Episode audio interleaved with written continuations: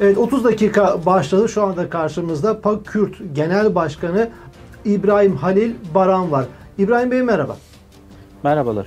Hoş bulduk. İbrahim Bey, İbrahim Bey sizin e, bir serüveniniz var. Gerçekten çok ilginç. Onu size sormak istiyorum. Neden çok ilginç? İzleyiciler açısından kısaca başlıklar halinde söyleyip arkasından detayları size soracağım. 2017'de gözaltına alındınız. 13 gün gözaltı süresi ve arkasından 3 ay hapis ve ağır işkenceye muhatap oldunuz e, ve arkasından tahliye edildiniz ve işkencenin üzerine gittiniz ve AYM'ye müracaat ettiniz ve AYM Anayasa Mahkemesi sizin müracaatınızı kabul etti ve sizin haklı olduğunuza karar verdi. Çok istisnai bir durum Türkiye şartlar açısından. Şimdi bütün o aşamalar bu önemli. Çünkü sizin gibi çok pek çok mağdur var.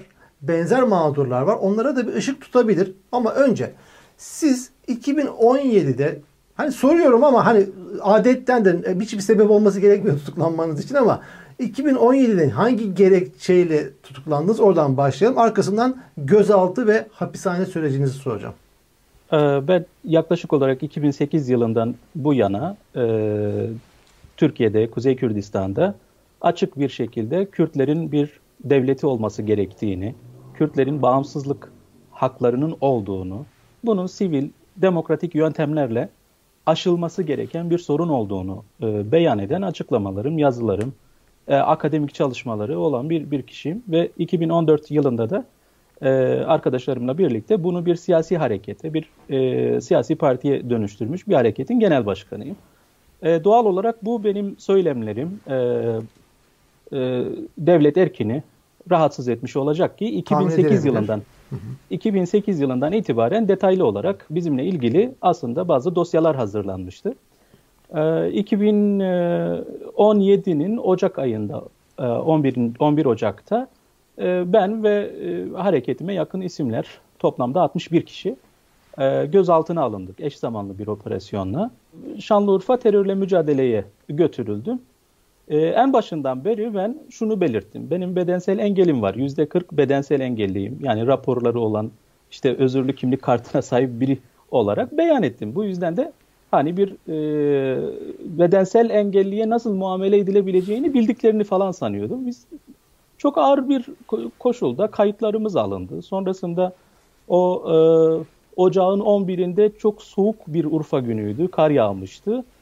E, onun öncesinde bizi bir spor salonuna götürdüler. Ben oraya gittiğim zaman zaten şu, onu fark ettim yani bir sürü işte yarı çıplak insan e, şey kamplarına e, bu e, Nazi kamplarına doldurulmuş gibi insanlar, e, hepsinin bakışları çökmüş, e, bir tane sigara izmareti peşinde koşuyorlar. Yani çok korkunç, ilginç bir şeydi. Gittiğim gibi zaten bana oradaki polis şunu söyledi.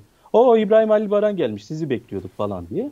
Ben orada zaten işlerin e, kötüye gideceğini görmüştüm. Ve nitekim akşam saatlerinde e, o spor salonundan alındım ve e, terörle mücadelenin eksi ikinci katına götürülerek ağır bir işkenceden geçirildim. Ağır işkence derken? Ağır işkence derken e, şimdi normalde Türkiye'nin yasalarına göre e, imza atmış olduğu uluslararası sözleşmelere, protokollere göre örneğin İstanbul protokolü bunlardan bir tanesidir. Sizin ters kelepçe ile e, kelepçelenmeniz bile işkencedir. Çıplak aranmanız bile işkencedir ama biz bundan bahsetmiyoruz. E, e, benim üzerimde uygulanan şey e, işte düşünün 10-12 tane kaburgam kırıldı. Cinsel bölgelerime e, ben zaten bununla ilgili ayrıntıları e, bir me- mektup halinde mahkemeye sundum ve ondan birkaç sayfa da birkaç önce Twitter hesabımda paylaştım. 12 kaburgam kırıldı diyorsunuz. Yani bu evet. kaburga kırılması darba mı muhatap oldunuz? Yani ne şekilde kırdılar? Hayır. Tamamıyla şöyle bir şey. Tamamıyla çıplak e, soyundurulduktan sonra sizi 9 kişilik bir ekip sorgulamaya, sorgu da değil aslında çünkü bana hiç soru sorulmadı. Kimsin diye bile söylemediler. Ondan sonra onlar arasında sizi e, dövmeye başlıyorlar. Kaba dayakla başlıyor. Sonra bu profesyonel işkence e, yöntemlerine dönüşüyor. Biri sizin göğsünüze çıkıp 90 kiloluk bir adamın üzerinizde tepindiğini, zıpladığını düşünün ve bütün kaburgalarınız tek tek kırılmaya başlıyor. Ondan sonra o kaburgalar ciğeri eziyor. Kaburgalar e, ciğeri delmeye başlıyor. Nefessiz kalıyorsunuz. bir sürü yöntem yani ben orada ayrıntılara girmek istemiyorum çünkü bu travmayı bir daha yaşamak istemiyorum. Peki işkence, e, dayak, darp bütün bunlar oldu ve kaldığınız Tabii, o evet. 13 günlük e, nezarethane süresi içerisinde. Oralarda neler yaşadınız? Neler var? Oradaki atmosfer Yani neydi? her şeyden önce ben ben şunu e, mesela kendi kendime yani işkenceye varacağımı anladığım andan itibaren ki zaten bekliyordum bunu. E, her şeyi akılda tutmaya e, başladım ve şunu söylemeye başladım. Benim adım İbrahim Halil Baran, Baran Kürdistani Parti'nin genel başkanıyım. Şiddete karşıyım ve bana şiddet uygulamanızı kabul etmiyorum. Saatlerce bunu bağırdığımı hatırlıyorum. Ee, belki arada bir küçük tartışmalar da meydana geliyor vesaire falan ama bunu dışarıya duyurma ihtiyacı hissediyorsunuz. Mesela sizi alıp işte oradan e, sürükleyip bir yere bıraktıkları zaman oradan bir insan geçiyor işte. Bu polis olabilir, bir avukat olabilir. Oraya sorgulama için getirilmiş biri olabilir. Sürekli bağırıyorsunuz. Benim adım İbrahim Halil Baran. Benim avukatıma haber verin. Ama avukat benim 6. ya da 7. günde ancak ulaşabildi bana. Yani defalarca başvurmalarına rağmen Türkiye'de hukuken aslında bunun önünde bir engel yoktur. Avukatınız sizinle görüşebilir. Fakat 6. ya da 7. günde benim avukatım geldi ve ben polis nezaretinde, bana işkence yapan polislerin nezaretinde avukatımla görüşmek zorunda kaldım. Ee, orada kendilerince hani benim de korkup işte işkence var demememi istiyorlar ama benim her tarafım kırık yürüyemez haldeyim. Ve avukatıma söyledim işkence yapanlardan biri de bu gördüğün şahıstır. Ben ölürsem hatırlayın yani bilin ki bu da onlardan bir tanesi. Fakat sesinizi dışarıya duyuramıyorsunuz. Avukatlar e, savcılığa başvuruyorlar. E, sizinle ilgili bir işlem yapılmasını bekliyorlar. E, hiç kimseden ses yok. E, çünkü Türkiye'de rejim değişmiştir, hukuk değişmiştir. Hukuk aslında rafa kaldırılmıştır. Hukuk diye bir şey yok. Netice itibariyle şu, yani 12 günlük işkenceden sonra 13. gün ben e, mahkemeye çıkarıldım. E, ve e, kendimce şunu düşünüyordum. Yani ben gideceğim ve e, sorgu hakiminin karşısına çıktığım zaman e, işkence yapıldı bana diyeceğim ve o da anayasal bir yükümlülük olarak, yasal bir yükümlülük olarak kendisine bildirilen bir işkence iddiasını e, bir şey yapacaktır, bir e, ne derler ona, bununla ilgili bir işlem yapacaktır diye bekliyordum. Genç çok iyi niyetli, bir, çok iyi niyetli Yani iyi niyetten öte bir umut yani. Siz zaten hani orada ölümü göze alıyorsunuz. Sizi öldüreceklerini biliyorsunuz. Ki zaten e, algı da bu yöndedir. Yani biz seni öldüreceğiz ve kimsenin haberi olmayacak. Aslında sizi bununla korkutuyorlar. Fakat ben biraz e, hani cesaretimi kaybetmemeye çalışıyorum. Evet. Diğer tarafta da umut besliyorsunuz. Sorgu hakimliğine gittim. Ve e, kemiklerim kırılmış. Ayakta duramıyorum. Beni iki tane polis zorla yani kaldırıp götürüyor. Fakat dik durmaya çalışıyorum bir taraftan da yani. Ee, şeyimden de ödün vermemeye çalışıyorum. Böyle enseyi de karartmayalım diyorum. Hakimin karşısına çıktım ve dedim ki ben işkence gördüm. Beni acilen bir doktora ya da adli tıpa gö- göndermeniz lazım. O da dedi ki bana polisin hukuksuzluğunu anlatma. Aha. Evet. Nasıl olur dedim. Bu burası bir mahkeme değil mi? Ben bir tiyatroya mı çıkıyorum? Hayır burası bir mahkeme ve bana işkence yapıldı. Anayasal bir suç ve bedensel engelli birisine yapıldığı zaman sanırım iki buçuk kat daha fazla cezası arttırılan bir suç. Zaman aşımına tabi olmayan bir suç. Ben şu an işkenceden çıkarılıp getirildim dedi. Ama bana işkenceyi hakim, anlatma diyor hakim. Hakim ısrarla bana polisin hukuksuzluğunu anlatma dedi. Ben orada direndim. Dedim ki hayır siz benim söylediklerimi zapta almazsanız ben ifade vermeyeceğim. Ben avukatım ısrarla e, şeyi zapta al, almayı başardırdık. Al, aldırmayı başardık. Ve netice itibariyle bugün e, bizim için hukuki bir e, temel oldu. İnsanlar çünkü bundan korkuyorlar. Yani gidip hakime işkence gördüm dediğiniz zaman hı hı. sizi tekrar e, terörle mücadeleye götürüp tekrar işkence yapma ihtimalleri var. Nitekim öyle oldu. Evet. Ee, bu ısrarım üzerine hakim zapta geçmek zorunda kaldı ve fakat beni adli tıbba sevk etmesi, hastaneye göndermesi gerekirken e, hakim beni cezaevine tutuklamaya gönderdi. Şimdi sizin cezaevine te- teslim edilebilmeniz için e, el, ellerinde bir sağlam raporunun olması gerekiyor polislerin. Böyle bir rapor ee, yok. Evet, böyle bir rapor olmadığı gibi beni hastanenin önüne götürdüler. Ve bana şunu söylediler. İbrahim Albaran bizim seninle işimiz bitti. Kardeş kardeş ayrılalım. Şimdi biz doktorun yanına çıkacağız ve de ki hiçbir şeyim yok. Ben dedim ki olur mu? Ben yürüyemez haldeyim. Yani nasıl yok diyebilirim. Hadi ben dedim bu hangi e, doktor buna evet diyebilir? Velhasıl iki saat biz uğraştık orada. Doktora beni çıkarmadılar. Fakat biz cezaevine gittiğimiz zaman bu arada beni tekrar terörle mücadele, mücadeleye götürdüler. O arada bir avukat gördüm, ona bağırdım. Dedim ki beni tekrar işkenceye getirdiler. İşte aileme haber verin, avukatıma haber verin. O avukat da korkmuş haber verememiş. Sonradan öğrendi. Evet. Yani ilginç bir şekilde ve cezaevine götürüldüğüm zaman ellerinde tapu gibi 5 tane sağlam raporu cezaevine teslim edildi. Fakat cezaevinde ısrarla belirttim. Ben işkence gördüm. Beni teslim alamazsınız diye. Velhasıl orada cezaevi müdürlüğü inisiyatif kullanarak beni bir hastaneye gönderdi. O hastaneye 20 tane askerle birlikte gittik. İstanbul protokolü gereği benim yalnız muayene edilmem gerekirken 20 tane asker doktorun odasına doldu ve doktor dedi ki sizin hiçbir şeyiniz yok. Halbuki benim çekmiş oldukları filmimi görüyorum orada kırık hatları görülüyor. Ama yok diyor sağlamsınız öyle mi? Evet sağ, sağlamsınız diye bir şey söylüyor. Evet. Peki işkence gördünüz e, nezarethane ve hapishane sürecini şimdi geçtik ama nezarethanedeki işkence sahneleri başka var mıydı? Onun dışında sizden başka böyle eziyet edilenler var mıydı? Olmaz olur mu? Yani orası zaten bir işkencehane yani terörle mücadele dediğiniz şey terörle mücadele edilen bir yer değil. İnsanlara işkence yapılıyor. Birkaç kişiyle denk geldim. Mesela iki tane Arap çocuk vardı e, Türkçeleri çok zayıf. İbrahim Tatlıses'in bir iki tane şarkısını bilecek düzeyde. E, bunları getirmişlerdi ve bir bombalı eylemin sorumluluğunu almaları isteniyordu. Ali ve Muhammed diye iki çocuk. Bunların alakası yok. İşçiler bir yerde ve patronlarından paralarını istiyorlar. Patron hesap yani vermemek için bunları e, emniyete şikayet etmiş. Bunlar teröristtir şüpheleniyorum diye. Onları getirmişler üzerlerine şey yapıyorlar. Ve mesela hepsinin diz kapaklarını kırmışlardı. Bunlar o şekilde sakat penguen şeklinde yürüyorlardı mesela. Ona denk gelmiştim. Çok içim acımıştı. Başka bir konu e, Fethullah Gülen cemaatinden bir kadın getirilmişti. O mesela benim e, tweet hesabımdan da paylaştım bir, birkaç yıl önce. E, hiç unutmadığım bir e, hikayedir. E, 40 günlük bebeği olan bir kadın. Tabii hiç kimseyi görmüyorsunuz. Çok kapkaranlık bir yer. Kulak kabartıyorsunuz. Sesler geliyor ne oluyor vesaire falan. Ee, kadının bebeğini vermiyorlardı emzirmesi için. Daha doğrusu ilk birkaç gün müsaade etmişler. Sonrasında e, Emniyet Müdürlüğü'nün önünde e, kocası arabada bekliyor. Birkaç saatte bir bebeği emzirmek için getiriyor. Sonra Emniyet Müdürü Ercüment Türkmen diye bir emniyet müdürü. O onun e, şeyiyle kadın engellendi. Çocuğunu emziremez hale geldi. Kadın bağırıyordu ısrarla. Bana bir kap verin, sütümü boşal vereyim yani çocuğuma götürün diye. Ve vermediler.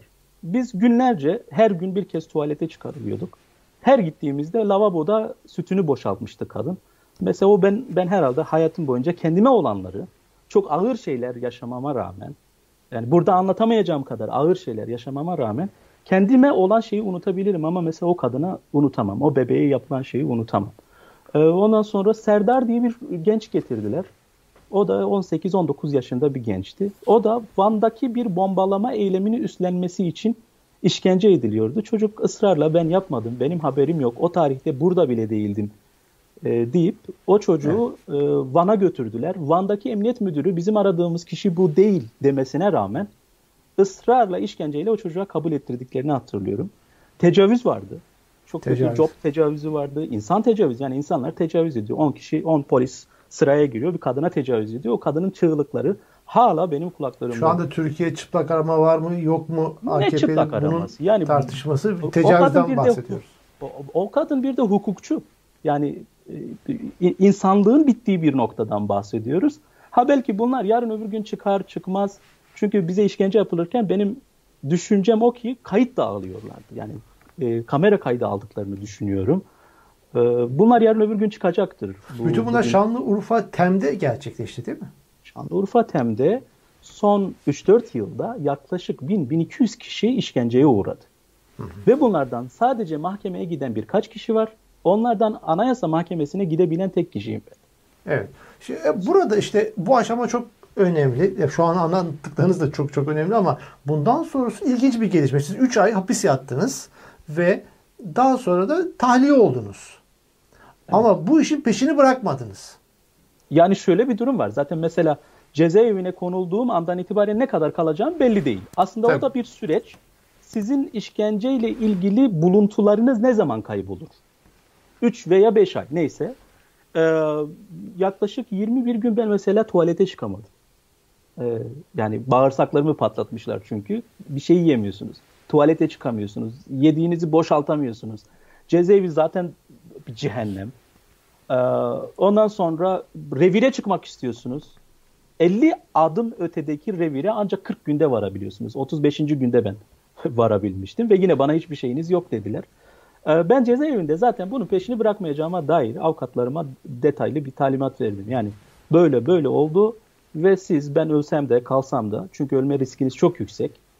Ee, bunu bırakmayacaksınız. Üçüncü ayın sonunda yani 3 artı 13 günden sonra 3 ay artı 13 günden sonra ben bırakıldım. Ee, birkaç gün ısrahattan sonra gittim ve bir Türkiye İnsan Hakları Vakfı'nın işkence merkezinden e, benim vücudumdaki buluntulara dair bir rapor aldım. Bu rapor benim cezaevindeyken yazdığım 36 sayfalık mektuba yani mahkemeye sunduğum mektuba ilk duruşmada birebir örtüşen, hikayesi örtüşen bir e, rapor e, oldu. Hı hı. Sonrasında tedavi gördüm. Biri hala yani 3 yıl 3 4 yıl geçmesine rağmen hala şu an sol kulağım duymuyor o şeylerden dolayı. İç iç, iç kanamalar geçiriyorum. Bu enfeksiyona dönüyor. O günlerden dolayı. Ama şu an artık işkence tespit edilebilir mi? Ee, Anayasa Mahkemesi sembolik olarak 20 bin TL'lik bir tazminata hükmetmiş. Dava yeniden görülsün istiyor. Evet ama Urfa'daki savcı elini gerçekten taşın altına koyup hele getirin bakalım o gün o e, nezarethanede görevli polisler kimlerdi diyebilecek mi? Ama Bunu Anayasa Mahkemesi kararında bu konunun üzerine gidilmesi, soruşturma açılmasına yönelik Şanlıurfa Başsavcılığına talimat veriyor. Talimat veriliyor ama bu talimatı yerine getirme, getirmeyebilir. Şu an anayasa aslında o savcıya zaten talimatı veriyor. İşkence suçtur, zaman aşımı yoktur ve siz bunu buna göz yumamazsınız diyor. Hı hı. Türkiye'de yasanın ne olduğunun hiçbir önemi yok. Aa, bu yüzden savcı bu işi savsaklayabilir, bekletebilir ben bir bir buluntuya ulaşamadım diyebilir. Ama ee, anayasa... O gün işkence yapanları bulamadım. Gelsin kendisi yapabiliyorsa teşhis etsin diyebilir. Peki Anayasa Mahkemesi'ne nasıl ispat edebildiniz? Yani vücudunuzdaki arızaları, kırıkları, işkence izleri hala duruyor ve onu o şekilde mi belgelediniz? Ee, Yıllar ben sonra, ben cezaevinden sonra. çıktıktan sonra Türkiye İnsan Hakları Vakfı'nın işkence merkezine giderek zaten e, detaylı raporlar almıştım. Heh. Bu bir. Bu önemli. Ben ce- bu cezaevindeyken, bu cezaevindeyken işkence öykümü yazdım. Nasıl alındım, nereden alındım, kaç adım merdivenlerden indirildim, nereye götürüldüm, benim nereme vuruldu, oraya vurulduğunda kaç gün orası ağrıdı. Yani bunlar bile çok detaylı, önemli şeyler. İşte beni kimler gördü yolda, o gün oraya mesela parmak izine götürülmüştüm yerden sürüklenerek çekildiğimde Sağ tarafımda kim vardı? Bunların hepsi şu an artık bir mahkemenin kaçamayacağı detaylıkta şeyler. Fakat mahkeme burada Anayasa Mahkemesi üstüne yine bir rol almıyor. Diyor ki burada bir ihmal var. Kimin ihmali var? Savcının ihmali var. İbrahim Halil Baran bana işkence yapıldı demesine rağmen onun ifadesini almadı. Bana sahte raporlar düzenlendi demesine rağmen o raporları kaynak göstererek kendisi sağlamdır, herhangi bir şey yoktur diye bu davayı kapattı diyor. İşkence Güzel. olduğu kabul ediyor fakat bu işkencenin nasıl olduğuna dair muhtevaya girmiyor. Burada usulen bir bozma var aslında. Bu sebeple e, savcı yine bu işten kaçabilir. Ki benim inancım o yönde. Yani bu kadar barbarlıktan bir medeniyet çıkamaz. Bir hukuk çıkamaz. Bu hukuk işletilemez. Yani bu, bu bir kültür, kültürel bir şey. Yani artık Türkiye'de bu buna dönüşmüş. 90'lardaki işkenceler şeysiz kaldı, e, sonuçsuz kaldı. Bugün de aynı şeyin olabileceğini düşünüyorum. E, ama şaşırtır mı beni Türkiye Cumhuriyeti? Bu karar beni şaşırttı işin açıkçası. Beklemiyordum. Ama aynı zamanda bu karar bizim bizim Avrupa İnsan Hakları Mahkeme, Mahkemesi'ne gitmemizin de önünü tıkamış oldu. E, çünkü Türkiye'de iç hukuk yollarını sizin tüketmeniz lazım. E, ve fakat e, Türkiye'de iç hukuk yolları en başa dönmüş oldu. Şu an Urfa Savcılığı'nın biz e, merhamete gelmesini bekleyeceğiz. Öyle görünüyor. Evet yani iç hukuk yollarının tükenmemesini sağlamak adına da bir hinlik olabilir bu işin içerisinde. Yani, yani kesinlikle. kesinlikle. Tomu ben sana atıyorum. Sen de vaziyeti idare et şeklinde Şanlıurfa Başsavcılığı olarak karşılıklı bir şey de olabilir. Pimpon oyunu da olabilir. Ama neticede Anayasa Mahkemesi'nin sizinle alakalı bu kararı verebilmesi bile günümüz Türkiye'si açısından muhteşem bir olay. Yani bu kadarına bile ben hani duyunca bu ay canına dedim. Yani Anayasa Mahkemesi bunu nasıl kabul ediyor? Evet işkence vardır nasıl diyebiliyor ama dedi. Ama bu sizin ısrarlı bir şekilde hukuki mücadelenizle ve bu işi raporlamalarınızla olmuş oldu. Yani burada aslında çok büyük büyük e, kısım avukata düşüyor. Avukatın ısrar ısrar etmesi gerekiyor. Çünkü onlar evet. da e, büyük oranda tehdit altındalar. Hukukun neye dönüştüğünün farkındalar. Başvuruda bulunuyorlar. Savcı savcı yerine polis oturuyor mesela. Savcının odasına gidiyorsunuz. Ben buna mesela şahit olmuştum. Savcının odasında polis oturuyor. Yani onun elinde savcının mührü var. Ona da imzalatıyorlar. Ee, kim tutuklanacak, kim serbest bırakılacak bir liste halinde hakimlere veriliyor. Ondan sonra siz çıkıyorsunuz, istediğiniz kadar dünyanın en iyi savunmasını yapın. Tabii. Fakat bunun arkasında durmak gerekiyor. Anayasa Mahkemesi mesela oy birliğiyle işkenceyi kabul ediyor. Benim davamda ilginç bir şey var. Mesela atıf yaptığı noktalardan bir tanesi İstanbul Protokolü. Yani işkenceyi önleme ile ilgili protokole çok ciddi manada atıf yapılmış durumda benim etnik kimliğimden, Kürt kimliğimden dolayı işkence gördüğüme atıf yapıyor. Bu önemli bir nokta. Çok önemli. Bunu diyebilmesi büyük olay. Ee, elbette ama Türkiye Türkiye'deki şu an e, uygulamada olan hukuk e, ve rejim işin açıkçası buna ne kadar müsaade eder? E, onun onu kestirmek çok güç. Çok evet. güç. Evet. Evet tekrar çok geçmiş olsun diyorum İbrahim Halil Baran. Gerçekten çok büyük acılar yaşadınız. Ee, içeride de büyük acılara şahit olduğunuz. Ama en azından bu kadarlık bile olsa hukuki bir zafer diyelim bunu. Umarım arkası gelsin diyelim. Diğer e, bu şekildeki mağdurlara da örnek olması açısından da bu anlattıklarınız çok önemliydi. Tarihe de kayıt düşmüş oldu. Ben buradan mağdurlara birkaç şey söylemek isterim müsaadeniz olursa. Tabii, buyurun. Ee, yani şu an e, hangi kesimden olursanız olun, neyi savunuyorsanız savunun hiç fark etmiyor. Hepimizin hukuka ihtiyacı var. Hepimizin adalete ihtiyacı var. Hepimizin özgürlüğe ihtiyacı var. Hepinizin başına bu tür şeyler geliyor. Ben biliyorum, gördüm, şahit oldum. Binlerce insan, yüzlerce insan, onların çığlıkları, e, köpeklerle korkutulmaları, hepsine ben tek tek şahit oldum. Elektrik işkencesine şahit oldum, job işkencesine şahit oldum ve yapılıyor bu. Ama ne olursa olsun bunun hukuken peşini bırakmayın. Hiç kimseden çekinmeyin, korkmayın.